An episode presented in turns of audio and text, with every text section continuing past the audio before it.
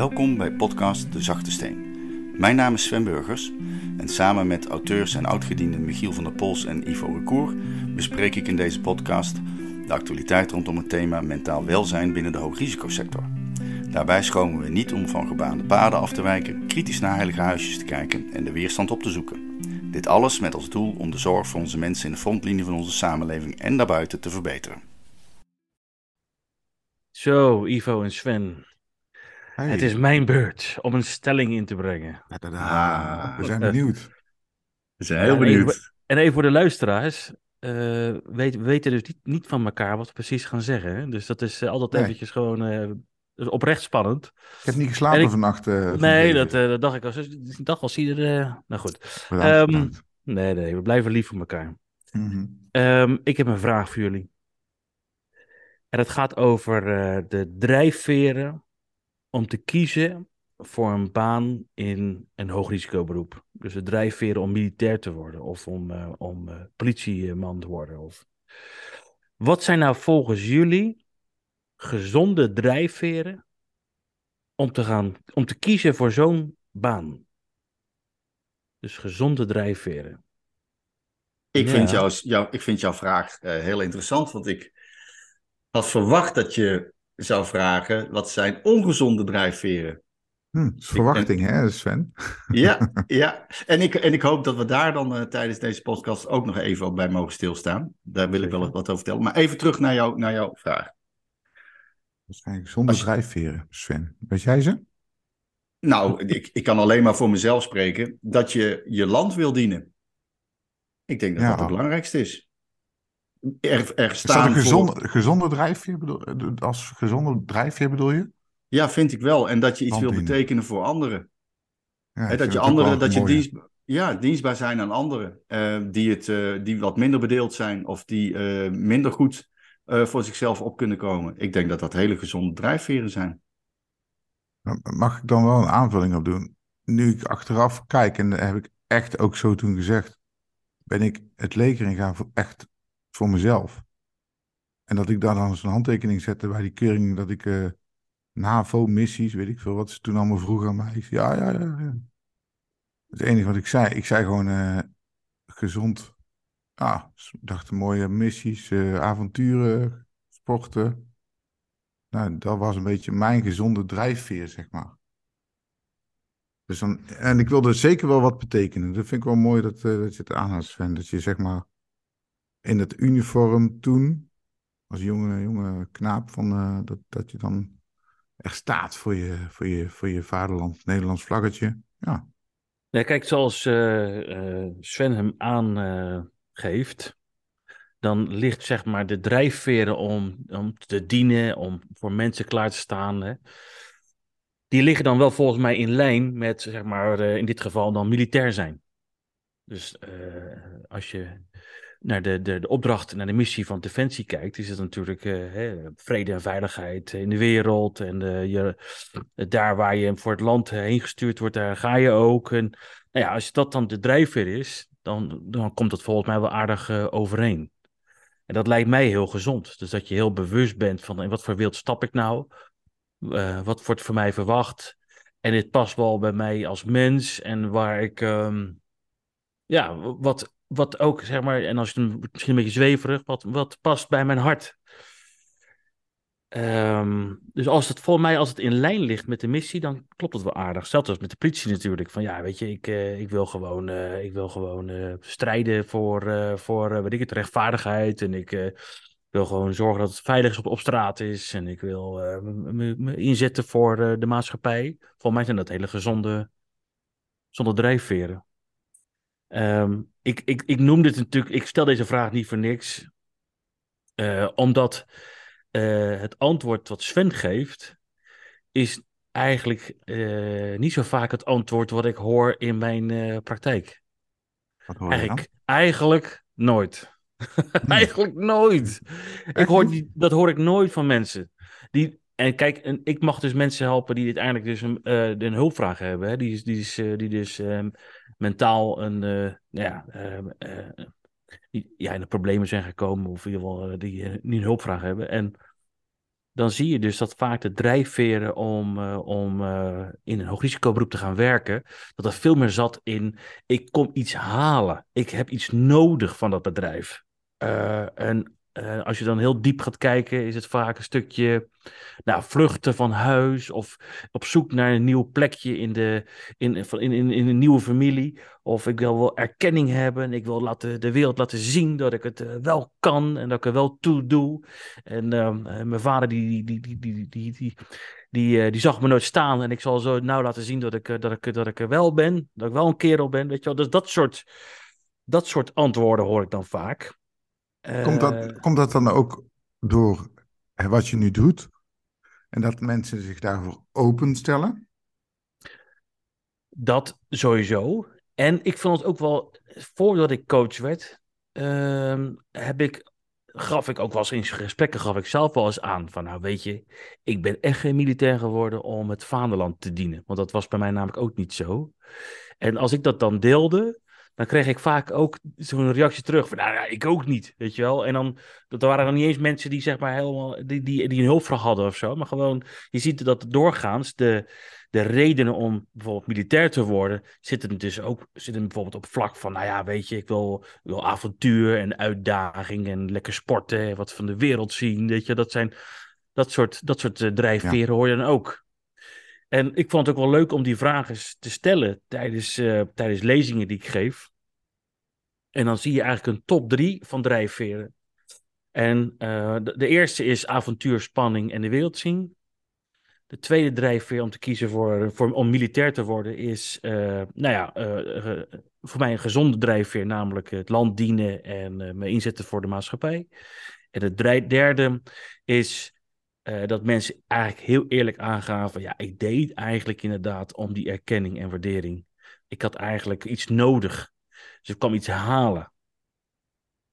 Wat zegt dat dan nu over dan die mensen die daar werken dan? Dat is wel interessant. En niet alleen maar militair, hè? Politie. Heb je daar ook zicht op? Politie, hoe dat uh, bij... Uh... Uh, en, en, daar zit dezelfde lijn in. Dus, en dan, die vragen heb ik nooit aan de, de publiek, publiek gesteld. Maar wat ik in mijn coaching zie, zie je dezelfde rode draden. Het is grappig dat je dat zegt, Michiel. Ik was gisteren te gast bij de MGGZ om juist over dit soort onderwerpen te spreken. Hmm. En dan put ik uit mijn uh, verleden als selectiepsycholoog bij Defensie. En daar had je van de mensen die afgewezen werden, waren dit vaak de antwoorden. Dat ze op zoek waren om naar erkenning uh, gezien te worden, structuur, uh, dan hadden ze bijvoorbeeld een ernstig pestverleden. Of dus echtscheidingen, maar, moeilijke jeugd en dat soort dingen. En dan is het natuurlijk heel sneu om, om mensen daarop af te moeten wijzen. maar die waren bijna wanhopig van help mij, neem mij op in jullie gelederen, want dan word, ik, dan word ik weer beter of word ik goed. Dat, die perceptie hadden ze in hun hoofd. Heel, heel triest eigenlijk om, om, om dat te horen. Um, dat, dat maakt wel dat veel, veel mensen, denk ik dan, om de verkeerde redenen bij hoogrisicoberoepen solliciteren. Al dan niet of dat ze aangenomen worden, dat is een tweede. Hè? Maar dat die drijfveer, die, die innerlijke motivatie om, het, om dat te doen, dat dat uh, heel persoonlijk is. En dat dat niet de juiste motivatie is om, om dat te gaan doen. Want die teleurstelling, die zal dan zo groot zijn, want daar zijn die organisaties niet voor. Begrijp je wat ik bedoel? Dat. En uh, er schuilt volgens mij nog een ander gevaar in. En dat is als je dus iets denkt nodig te hebben, dan ga je er ook alles aan doen om dat te krijgen. Eh, dus daar, daar zie je natuurlijk ook, daar komt natuurlijk ook bij heel veel uh, militairen, komt daar die wilskracht vandaan om al die ontberingen te doorstaan. Hè? Dat kijk ik ook naar mezelf, want ik moest en zou die beret halen. Ja. Uh, en de, de brandstof van die, van die wilskracht was voor mij van ja, weet je, als ik die beret heb, dan, dan, dan, ben, ik, dan ben ik het mannetje. Dus dat, dat speelde bij mij ook. maar het gevaar wat erin schuilt is dat je ook jezelf gaat aanpassen. Dat je maar gaat doen wat jij denkt wat de organisatie van jou verwacht. omdat je dan denkt van ja, dan ga ik het halen. Dus je bent niet, je bent niet authentiek. Hè? Je gaat jezelf je gaat jezelf in een soort van uh, keurslijf persen, die misschien niet helemaal die jouwe is. Eh, om maar die beret te halen of om maar die, die, die, dat uniform te mogen dragen. En uh, dus dan is het eigenlijk een keuze vanuit je hoofd, hè, vanuit het ego. En niet zozeer vanuit dat je met gezonde drijfveren die keuze maakt. En als jij natuurlijk aangepast bent en je haalt dan uiteindelijk dat uniform en je hebt die beret en je mag dat werk doen en je gaat aangepast gedrag blijven uh, vertonen. En je krijgt dan allerlei shit om je oren, stress en allerlei gekkigheid en heftige ervaringen. Ja, als je dan aangepast blijft, en je blijft natuurlijk een beetje geblokkeerd op, op wie je bent en wat jij nodig hebt, en je durft misschien geen hulp te vragen, of je durft niet helemaal het assen van je tong te laten zien. Je moet zeg maar dat aanpassingsmechanisme loslaten. Ja, als je dat, dat, die drempel is vrij hoog. Dus ik denk dat als een, iemand die op deze drijfveren uiteindelijk dat uniform gaat dragen en blootgesteld wordt aan stress, dat hij ook moeite gaat hebben om die stress en al die ervaringen goed te verwerken. En dat dus een ongezonde drijfveer mentale uh, uh, problemen in de hand werkt. Sterker nog, ga je gang, uh, Ivo. Nee, nee, ik denk dat jij even wil intern wil reageren. Doe maar. Dank je. Ik, nou, ik ben het helemaal met je eens. Die, die, die interne motivatie, die, die, die, die onduidelijke drijfveren, die, die negatieve drijfveren om, om hulp te zoeken, steun te zoeken, uh, jezelf te ontdekken, uh, het, het, verleden wat je hebt meegemaakt te verwerken. Dat, met die perceptie ga je dan het leger in. Maar dat betekent dat je vaak al met onverwerkt verleden, lees misschien soms trauma, de organisatie binnenkomt. Als je, als je aangenomen wordt. En dan is die teleurstelling denk ik zo groot dat je in een organisatie uh, terechtkomt waarin de waan van de dag het niet toestaat dat je daar aandacht voor besteedt. Want je moet inderdaad, wat jij zegt, Michiel, tijdens zo'n opleiding moet je gewoon ook aanpassen. Je moet in het gereel. En je zult uh, ander gedrag moeten laten, laten zien, hè, gewenst gedrag, zoals de organisatie dat wil.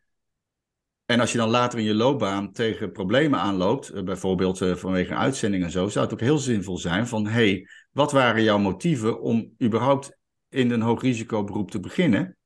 En in hoeverre is tijdens de keuring naar voren gekomen? Nou, waarschijnlijk niet als je dan uh, toch aangenomen bent. Maar in hoeverre is nou in gedurende je loopbaan duidelijk geworden of jij jouw problematische verleden, laat ik het dan heel voorzichtig zeggen, voldoende en adequaat hebt verwerkt? Of dat dat juist niet zo is? En wat is dan het verband tussen de stress de ervaringen die je bijvoorbeeld tijdens uitzending hebt gedaan, maakt dan dat je daardoor die klachten hebt gehad, die, die eenzijdige gebeurtenis daar, of die meerdere gebeurtenissen tijdens zo'n periode, of speelt daar dat onverwerkte trauma nog een hele belangrijke rol bij? Ik vind dat een hele interessante vraag en ik denk dat die bijna wel te beantwoorden is. Uh, dat zijn wel dingen die, die, die erg belangrijk zijn, vind ik. Goed dat dit onderwerp eens besproken wordt. Nou ja, kijk, uh, jij bent zelf uh, selectiepsycholoog geweest. Uh, ik heb, ben ook door die hoepels heen gegaan. En ik heb daar, denk ik, als antwoord gegeven van waarom wil ik marinier worden. Dan heb ik denk ik, heb ik, denk ik iets geantwoord als in de van, nou, uh, dat, dat, spreekt me wel aan. Ik wil de wereld zien en ik wil avontuur en sporten. Dat zijn denk ik de antwoorden die ik gegeven heb. Dus ik heb echt niet gezegd, ik wil het land dienen. Dus, maar het, is, het was goed genoeg. dus ik ben, er, ik ben er doorgegaan. Ik zit, uh, gisteren heb ik toevallig, en ik had hem opgeslagen, de selectieprocedure van de politie. Die kan je gewoon online zien. En dan staat er gewoon bij wat ze willen horen. En er is iemand, dat is een voorbeeld, ik zal geen namen noemen, die vier keer de procedure niet gehaald heeft. Dan gaan ze uitleggen hoe ze het wel heeft gehaald en hoe ze dat heeft bij kunnen schaven. Om maar in het keurslijf te komen van die selectieprocedure. En uiteindelijk voor die kwaliteiten aangenomen te worden. Ja. Staat die letterlijk hier nu. En dus jouw onderwerp is gewoon hot. Dat staat en, online. Ja, ik heb, uh, ik heb hem hier die voor me. Kom bij de politie.nl. Ik weet wel dat ik toen bij de de DKDB, toen ik uh, daar zat in, het, in die ruimte, misschien heb ik het een keer vermeld bij jullie. dacht van, ik hoorde, ik hoorde alleen maar Special Forces, Special Forces. En ik wow, ik zit uh, nog niet bij die club, maar wat doe ik hier? Ik ging echt bleu in, zeg maar, in die tijd. Ja, je wist wel het baantje wat je moest rennen en je wist ongeveer wat je kon doen, maar verder was het een beetje in het duister. En dan kom je wel inderdaad, ik kon goed praten. Dan lul je gewoon een beetje, ook uh, in, in, in een psychologengesprek, toch wel een beetje in de, in de mond van uh, wat ze zoeken, zeg maar. Ja, maar wacht even, eventjes, eventjes terug, want nu, nu ben, ik, ben ik getriggerd.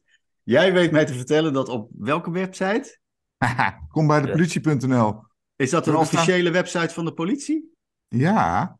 Dus de politie, wat, wat jij nu zegt. Je kan het hele baantje, de hele app van de politie staat gewoon precies. Ik weet wel dat de ECO van de, dat van de kan, nou, dat kan helemaal niet, dit man. Ja, wel. Dat is, alles is online tegenwoordig. Alles is gewoon bekend. Je komt gewoon aan en je weet gewoon. Uh, uh, dan, hij blaast op het fluitje. Dan moet je door die poortjes rennen. Dat is het baantje van de politie. En tegenwoordig is het dan een andere eis aan. Ja, goed, oké, dat zijn die fysieke eisen. Sorry ja, ja, dat ik je onderbreek. Maar we hebben het hier over de, de, de psychologische selectie. Ja, we hebben het over dan, drijfveren. Daar, zijn, daar is het gesprek, hele mooie gesprek uitgekomen. Maar de drijfveer, als je dus zegt, ik wil bij de politie om mensen te helpen. Want dat, staat, dat verhaal is echt heel uh, uh, juicy. Dat ik lees van, uh, van, van een dame die dan... Ja, en toen ben ik bij dienst justitiële inrichting gaan werken om de tijd te overbruggen. Want ik wilde nog steeds bij de politie, et cetera, et cetera, et cetera. Ik wil dat verhaal graag lezen. Ik zal het je straks doorsturen. En eigenlijk gaan we dus in de omgekeerde wereld, hè? Dus we gaan nu niet meer, uh, we zoeken dus wel, ja, je, je, moet, ik las het vandaag, we kunnen wel de kwaliteit willen zoeken op straat en zeggen, jij wil bij de politie, maar de exacte kwaliteit zullen we nooit kunnen vinden. Dat klinkt een beetje dubbel, ben ik van overtuigd, maar je kan het wel leren. En als ik dan kijk naar Michiel, hoe jij dat dan vertelt, we zitten in een statische mindset, want we roepen, oké, allemaal over de hindernisbaan, binnen 2 minuten 40 moet je eroverheen, volle bepakking en wapen. En als je daar al voldoet, dan mag je naar de commando's of weet ik wat. Want dat is een beetje, en als je dat gehaald yes, heb ik gehaald. Nou, op naar die uh, beret. Huppakee. Als je die groene beret hebt, of die zwarte van de mariniers, dan ben ik het. Dat is nou, ook... ik, ja, ik heb meerdere uh, uh, mensen van speciale eenheden mogen coachen. Ehm, en die, wat, je, wat je dan ook ziet is, nou ja, weet je, ik wilde graag bij een bijzondere eenheid. Want ik wilde toch wel een beetje bij de beste horen. Nou, dus ik ging commando worden of marinier. Oké, ben marinier geworden. En heb de mariniersopleiding gedaan. Ja, daarna, ja, toen wilde ik toch eigenlijk wel een specialisatie doen. Want ik wilde wel bij de, de, de top van de, van de beste horen. Dus toen ben ik uh, mountain leader geworden. En toen heb ik mountain leader opleiding gedaan. Ja toen, ja, toen heb ik even van genoten van die roem. En, maar toen ging het weer prikkelen. En toen dacht ik, ja, ik moet uh, uh, vrije vallen worden. En dan, nou, je, je snapt het. Het, het, elke keer. En, en, het, en, maar uiteindelijk kwamen ze natuurlijk achter. Nou heb ik al die speltjes en die kwaliteitsnummers. En ik heb allemaal die, die, ik heb die berg beklommen. Maar ik, het, daar waar ik naar op zoek was. Voldoening. Heb ik nog steeds niet gevonden. En dan vastlopen. En dan erachter komen. Ja, fuck. Dat wat ik eigenlijk altijd najoeg dat is niet buiten mij, die zit natuurlijk in mij. En dan worden ze natuurlijk eigenlijk gedwongen om eens naar binnen te gaan en eens te kijken naar wat heb ik, waarom heb ik nou de dingen gedaan zoals ik ze heb gedaan? Waarom heb ik deze keuzes allemaal gemaakt? Je wist niet beter en, toen. Je wist niet beter, maar uh, daarom vind ik het zo belangrijk om dit juist op tafel te leggen, want je hebt zoveel hordes uh, die je dan moet nemen, waar iemand al zeg maar ook tegen zichzelf beschermd kan worden, dat is één. En dit is ook niet goed voor de organisatie natuurlijk. Want je hebt dus mensen in gelederen die niet zozeer voor de, de, de, de missie van je organisatie bij jou komen, maar die komen iets halen bij je. En dat is gelijk mij heel ongezond. Het zou wel mooi zijn als je bij een sollicitatie dan zou zeggen: U wilt dat ik 2400 meter kan lopen. Ik zal mijn uiterste best doen om dat te leren. Ik heb ook begrepen dat bij jullie die, die gelegenheid is. Dus ik ga zorgen dat ik dat haal, want die gelegenheid is. Dat is eigenlijk de omgekeerde wereld. Terwijl aan de voorkant zeggen ze, nee, je moet 2400 meter lopen, anders kan je niet door naar de volgende ronde. Dus die, die staat, ik, het is heel statisch, maar is het ook niet inherent, Michiel en Sven, aan het werk wat er gedaan moet worden? We hebben het nu altijd over militair, maar stel uh, de veiliger bij de Albert Heijn. Die moet uh, in principe alleen maar opletten dat er niks gestolen wordt. Ja. Dat is een heel ja, andere drijfveer natuurlijk. Oké, maar, maar dan even terug naar onze vorige podcast. Waarin jij stelde, hè, met, eh, fysiek fit zijn en mentaal fit zijn. Dan, Ja, heb je, ja. dan, dan zul je toch een meetmoment heb- moeten hebben vooraf. eh, om te bepalen of dat iemand een basisfitheid heeft. Waaruit de basisgeschiktheid en opleidbaarheid afgeleid kan worden. Net zo goed als mentaal. Want anders dan hoef je zo'n test niet te doen. Dan kan iedereen zomaar gaan beginnen.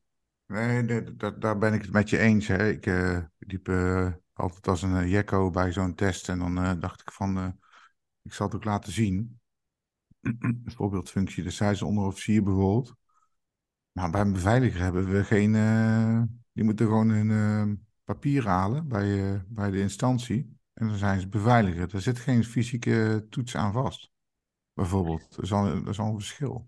En iets anders nog. eh, die, ehm, die niet zo bijster helpende drijfveren waar we het net zo over hadden. Hè? Die persoonlijke drijfveren voor hulp en dergelijke.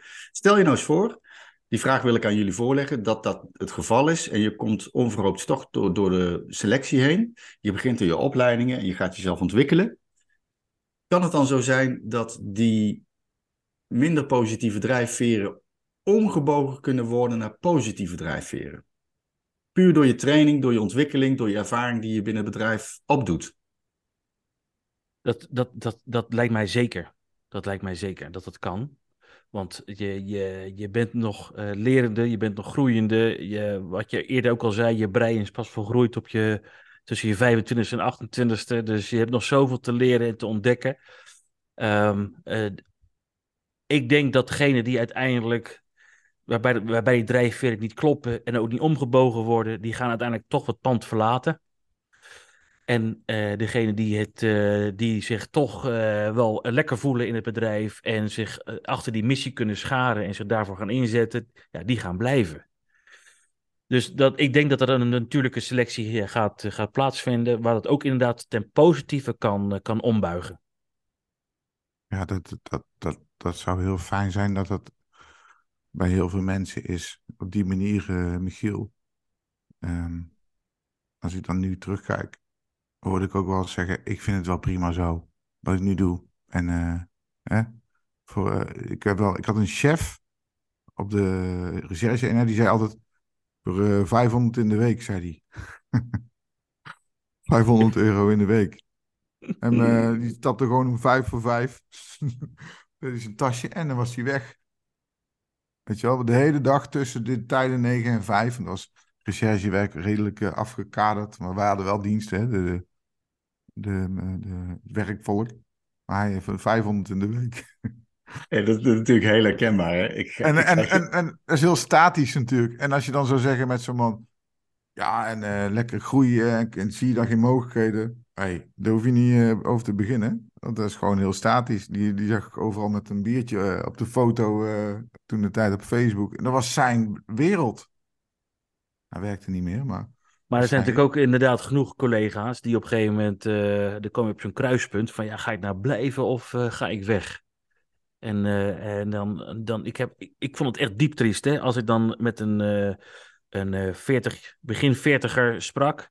Die zei van ja, maar Michiel, als ik nu wegga, ik kan uh, zeg maar zo, zo 53ste kan ik met pensioen. Dus dan zing ik die, die, die 12 jaar, die, die zing ik nog wel uit. Dan denk ik, jee, man. Ja, oh. ja maar is zo... de, komt, komt het dan alleen maar door hem zelf? Of heeft de organisatie, ja, dat is een beetje dubbel wat ik nu ga zeggen.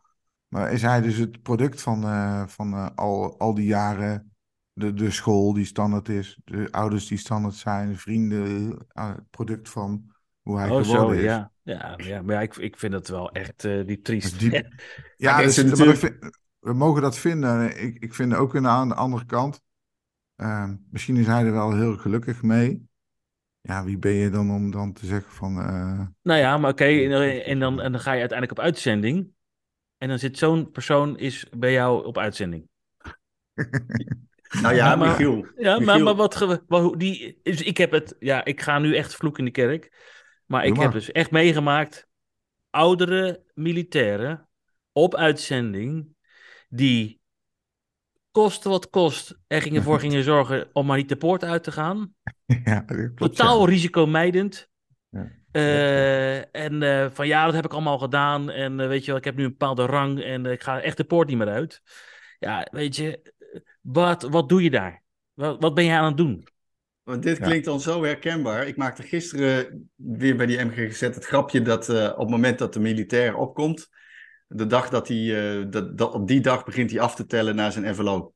En in de loop van zijn, eh, van zijn loopbaan hoor je zoveel oud-collega's zeggen: Ja, ik hoef nog maar 12 jaar of ik hoef nog maar 10 jaar. En precies wat jij zegt, hoe dichter ze bij hun envelop zitten, hoe risicomijdend het gedrag wordt. Ehm, en zijn ze eigenlijk, eh, ze zijn continu vooruit aan het kijken totdat hun loopbaan erop zit. Ja, dus, ja, en dan vraag ik me af, waar haal je dan je werkvreugde vandaan? En wat is dan nog je drive om dit werk te blijven doen? Ja, nou kan ik, me, kan ik proberen het in te vullen. Ik heb een hypotheek, ik zit al lang zo, al lang zo bij, de, bij, bij Defensie of bij de politie. Ik kan niets anders, perceptie. Eh, ik zou niet weten wat ik anders zou moeten doen.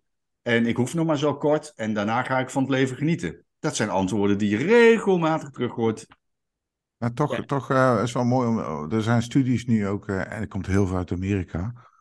Ehm, ik heb hier het boek liggen, Mindset, dat is echt een aanrader. Maar waar dan eh, gesproken wordt over dat ze onderzoeken hebben gedaan, ook onder militairen, de opdracht gegeven he- hebben van eh, wat is jouw huidige opleidingsniveau? Eh, middelbare school. Nou, denk je dat je nog meer kan? Nee, want ik heb alleen maar middelbare school. En dan hebben ze dus de vraagstelling bij anderen neergelegd van, hey, wat zou je, zou je nog een studie erbij willen doen, zodat je eh hogerop zou kunnen? Oh, dat is interessant, groeimindset. Maar het is ook de manier waarop je natuurlijk mee omgaat. Wij, werden in het Nederlands leger ook opgevoed, soldaat, corporaal, corporaal 1, sergeant, et cetera. Nou, daar zitten allemaal verantwoordelijkheden bij. Ik heb in Afghanistan meegemaakt dat mijn soldaten slimmer waren dan de gemiddelde sergeant eh, destijds. Dat was dan wel weer mooi om te kijken hoe het opleidingsniveau was. Maar de, wat ik wil zeggen is eigenlijk dat er ook wel gekeken mag worden naar de organisatie, dat die stimuleert, nadat er ook selectieprocedures moeten zijn voor bepaalde eh, standaard eh, eisen, dat ze dan in de organisatie wel verweven gaan eh, coachen of aansporen of de mogelijkheden bieden in plaats van nee, wil je niet? Oké, prima, dan is dit je eindstation, eindrang bereikt, punt. Maar het is in een hiërarchische organisatie moet het ook zo zijn dat op het moment dat jij bijvoorbeeld onderofficier wordt, net zoals vroeger, dan wist je dat je eindrang, naar alle waarschijnlijkheid, met een enkele uitzondering, adjudant was. En waar ik eh, je dat, nu is het streven om zo hoog mogelijk te komen. Nou, dat heeft dan ook weer gevaren in zich. Dat heb ik, dat kan ik eh, onderbouwen met voorbeelden die ik zelf heb meegemaakt. Is dat van die onderofficieren met eh, MAVO, HAVO, eh, niks te nadelen dan dat. De rangen zijn doorgegaan en met reorganisaties of met andere, bij andere eenheden plotsklaps een rangetje erbij krijgen. En uiteindelijk zien dat ze major overste zijn geworden. Maar qua theoretische achtergrond, ehm, zeg maar, dat niveau niet helemaal aankonden. En dat leidt altijd tot spanningen en problemen. Want die mensen zaten vaak op, op cruciale functies die, ehm, die gewoon hartstikke belangrijk waren, waar ze heel veel invloed hadden en waarvoor ze heel veel die invloed eh, ten positieve of ten negatieve konden aanwenden. Ja, Maar wil je, maar wil je die functie nou doen omdat daar zo'n mooie rang aan gekoppeld is? En dat je dan denkt van, hé, maar nou ben, ik, eh, nou ben ik echt poepgoed. Of ga je die functie doen omdat jij, omdat jij voelt, ja, maar dat is helemaal wat ik heb te doen. Dat past helemaal bij, bij wie ik ben. Kijk, en ik heb ook ik heb een, echt een aantal eh kolonels meegemaakt. Die, eh, die hebben natuurlijk heel hun carrière hebben ze, eh, gehoopt en gedacht. En alles, op, alles op alles gezet om generaal te worden. Maar die werden dan kolonel en die kregen, hadden geen uitzicht op een generaalsjob. Ja, die, een, heel aantal, die zaten echt in zak en as. Van ja, jee, nou heb ik heel mijn carrière gericht op dat bereiken. En het wordt me niet gegund door de baas. En, eh, en hebben daar heel veel last van. Dat rangen najagen, ik vind dat echt, dat is echt, eh, als dat die drijfveer is, eh, vind ik zeer ongezond voor jezelf. Je gaat altijd teleurgesteld worden. En volgens mij is het ook heel erg ongezond voor het, werk, voor werkveld. Ja, en dan wil ik twee opmerkingen bij plaatsen. Ik ben het helemaal met je eens. Eén, binnen, binnen Defensie, en dat zal bij de politie ook zo zijn, hoe meer strepen, sterren er op je schouder eh, komen, eh, hoe fijner je dat vindt. Niet alleen financieel, maar dan heb je meer invloed en heb je meer vrijheid, om het zo maar eens te zeggen. En, en je hebt misschien, tenminste, dat is de veronderstelling, je krijgt meer aanzien van anderen, erkenning. Dat najagen van die rangen, daar heb ik twee eh, hele mooie voorbeelden van, van hele goede kennissen van mij bij, de, bij de KMAR. Ze zijn nu alle twee niet actief dienend meer. Dat waren onderofficieren, het waren steengoede onderofficieren. Maar die wilden zo ontzettend graag officier worden. En ehm, dat is, is ook gelukt. En die zijn op functies terechtgekomen waar ze helemaal afgefakkeld zijn. En die zitten dus nu met onvoorstelbaar veel ernstige klachten nu thuis. En puur omdat ze vanuit de dynamiek van de functie en de, en de, de organisatie en de dingen die daar gebeurd zijn, daar zo'n tik van en zo'n knauw van hebben gekregen. En als je ze vraagt van, uh, God, had je alles anders gedaan? En dan zeiden ze, alle twee, zeiden ze, was ik maar adjudant gebleven. Wat, wat, wat een domme, domme, domme move. Kon niemand, dat aan, eh, kon niemand dat aan de voorkant bij hun dan ook vertellen dat het zo zou gaan? Dus het, is een, er was vroeger, uh, toen ik, uh, in, dat is begin jaren negentig, weet ik dat er een campagne was, werving van officieren. Daar was, ik, daar was ik toen mee bezig. En de slogan van de landmacht was op jacht naar de sterren. En dat zegt alles. Dus het wordt gestimuleerd om door middel van je rang, dat is dan het maximale wat je kunt bereiken. Begrijp je wat ik bedoel? Dus als je, hoe hoger je rang, hmm. dan heb je het maximale uit je carrière gehaald. En daar ben ik het zo niet mee eens. Want ja. een, een, uh, een onderofficier is net zo belangrijk, misschien zelfs wel belangrijker, misschien vloek in de kerk, dan een officier in de dagelijkse uitvoering van het werk. En zonder um, een, een, een onderofficier of een officier kan zijn werk niet doen zonder manschappen. Die zijn net zo belangrijk. Dus als je het hebt over erkenning eh, versus uh, inhoud in je beroep en die innerlijke motivatie om dingen te doen en, en die drijfveren ontwikkelen, dan zou het toch niet moeten uitmaken wat er op je schouder zit. Maar de, de man of vrouw wie je bent, waarvoor je staat en waarvoor je dit, dit, dit, deze organisatie of breder zou willen dienen, um, in de functie die bij jou past. En als jij je toch prettig voelt als, um, als corporaal, daar, daar, daar floreer jij om met, die, met, de, met een kleine club infanteristen de hele dag bezig te zijn. Wat zou je dan toch druk maken om op jacht te gaan naar, naar um, een niveau hoger als, als, als groepscommandant? Dat hoeft toch niet? Dat is toch niks meer of minder? Dat, dat is het punt wil, wat ik wil maken. Want ik ben het met je eens, hè, Michiel? Dat voorbeeld wat je aangaf met die kolonels, die zwaar gefrustreerd door de organisatie heen lopen die ook geen poot meer verzetten. Dat, dat, uh, al het werk stokt daar. Die doen er helemaal niks meer, over het algemeen. En uh, spreek me tegen als, het, uh, als, het, als ik het verkeerd heb. Daar zit toch niemand op te wachten? Het is... Het is... Nee. Ik, ik, ik, schiet er nou allerlei, zo mooi, ik zal niet alle voorbeelden, maar er schieten allerlei voorbeelden nu door mijn hoofd van zowel defensie als politie, maar ook bij de DKDB. Dat er ook mensen zaten van, ik zit hier al zo lang, prima, is goed zo. Volgens mij hebben wij onwijs veel voorbeelden. En, uh, ja, hoe zou dat komen, Michiel? En, hoe zou dat uh, komen? nou ja, omdat het echt een heel belangrijk en veel voorkomend thema is. Ja, man. Ik wil, ik wil, ik wil gaan afronden. Um, hoewel ik hier echt nog, nog heel lang over kan praten. Um, uh, ik zou willen afronden met van ja, weet je, volgens mij is het heel gezond dat je, dat je voor jezelf nagaat van waarom doe ik wat ik doe? Wat is de brandstof voor de keuzes die ik maak? En is, zijn, is, dat, is dat nou echt gezond? Is dat goed voor mij? Of doe ik nou eigenlijk dingen omdat ik iets buiten mezelf zoek? Omdat ik dingen denk nodig te hebben? En uh, volgens mij uh, uh, komt, komt het merendeel van de mensen op het einde van zijn leven erachter van ja, shit, had ik nou maar, had ik maar keuzes gemaakt waar ik blij van werd. Weet je wel, had ik maar mijn hart gevolgd, had ik maar mijn gevoel gevolgd. En uiteindelijk komt denk ik ook iedereen achter van als je keuzes maakt om maar buiten jezelf iets te krijgen, om iets te bereiken, om erkenning van anderen, die komt altijd bedrogen uit.